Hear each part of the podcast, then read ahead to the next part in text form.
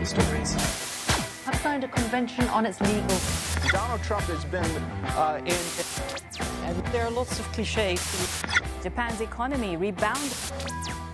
Departure of flight to London Gatwick.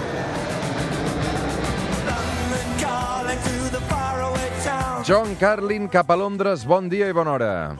Un buen día, Roser. Com està, John? Què tal per aquí a Londres aquesta setmana? Eh, bien, bueno, la verdad he estado en Canarias y en Italia, en Pisa esta semana, y acabo de volver al, al lluvioso y frío de Londres, especialmente Canarias. Qué bonito, 26 grados, Dios mío. No, no pares, eh? Tu sempre amunt i avall, eh? Es pot saber què hi has fet a Canàries i a, i a Itàlia? Sí, no, bueno, fui, a, fui a, a- a Canarias, me invitaron a dar una, una charla sobre Mandela porque esta semana fue el quinto aniversario de su, de su muerte y, y en Pisa fui a entrevistar a Pierluigi Colina, el famoso árbitro, pero te hablo de eso otro día. Ah, però interessantíssim. Un dia me'n parles, eh? Aquell senyor completament calp que es va fer famós. Segurament era l'àrbitre més mediàtic que hem tingut els últims anys, eh? Un dia me'n parles, Pero sí. no los últimos años, sino, sino de, de, la historia del mundo. De la història. Sí, sí que és veritat. Um, doncs molt bé, un dia m'expliques uh, com va anar aquesta entrevista, esperem que la puguem llegir aviat. Um, Ion, com tu bé saps, aquesta setmana hem estat molt distrets també aquí a Catalunya amb la mirada molt posada a Andalusia, on han passat coses com aquesta. que queréis a España, fachas, que queréis defender las fronteras de España, las paredes de vuestro hogar, xenófobos, que os parece que la inmigración debe controlarse de alguna manera, racistas. Així sona Santiago Bascal, el líder de Vox, un dels noms de la setmana. Aquest partit d'ultradreta ha aconseguit 12 escons al Parlament d'Andalusia. Aquí s'ha viscut, evidentment, John Carlin amb molta preocupació. No sé si és una notícia que ha arribat fins a Londres. Bueno, a Londres la verdad que muy poco. Yo he estado intentando interesar a amigos míos periodistas británicos en la historia y no, pero a mí me ha llegado y un montón.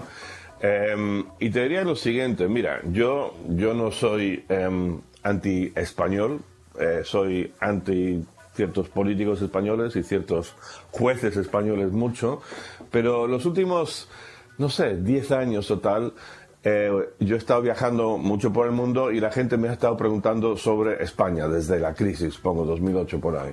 Y yo siempre he contestado lo mismo. He dicho, mira, España tiene sus problemas, va mal, va esto, otro. Últimamente, claro, he hablado más sobre el independentismo.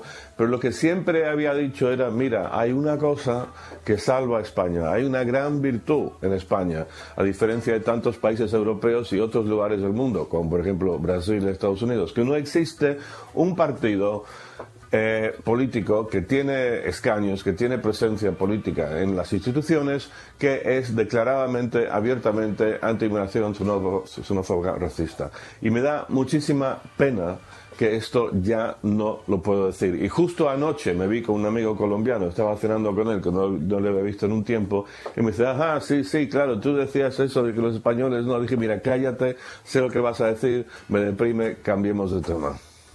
Aquí, eh, les interpretacions sobre aquesta entrada de Vox són múltiples. És evident que han fet un discurs antiindependentista durant tota la campanya electoral i que això els hi ha, els hi ha donat molts vots. Um, tu com t'ho expliques? Has arribat a alguna conclusió, John?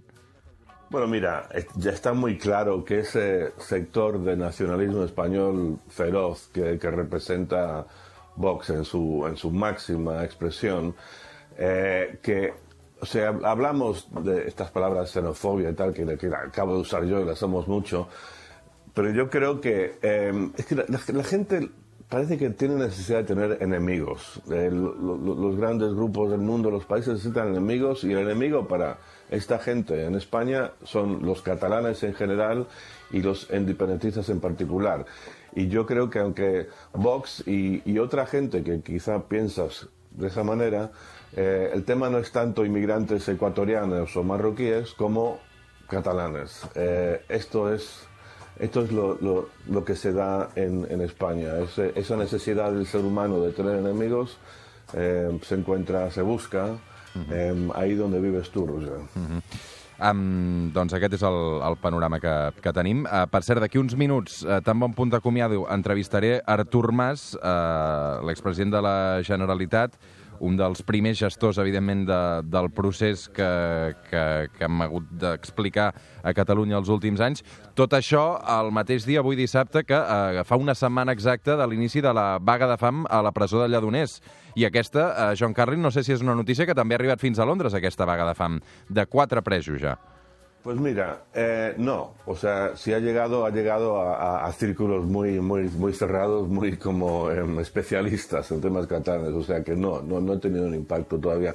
Claro, yo vi esto y pensé, viéndolo fríamente, eh, una jugada política, eh, de cierto modo, eh, bien pensada, si el objetivo es despertar precisamente el interés que no ha habido en el resto de Europa por el tema catalán. O sea, sin duda, si se llegase al extremo que llegaron algunos presos del, del IRA, estar al borde de la muerte, y el famoso Bobby Sands, que efectivamente murió, efectivamente, eh, murió, entonces ahí sí que vas a ver un, un impacto internacional muy grande, sumado, claro, a los juicios que se avecinan.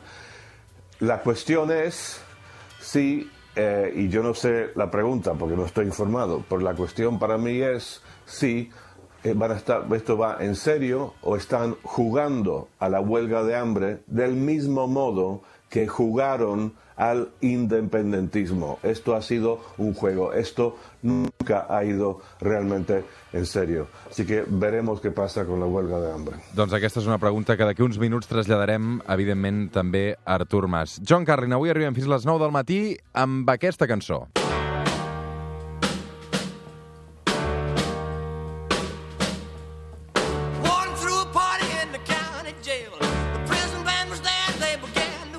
És el Jailhouse Rock d'Elvis Presley. John Carlin, una abraçada ben forta cap a Londres. Una abraçada, Roger, adiós.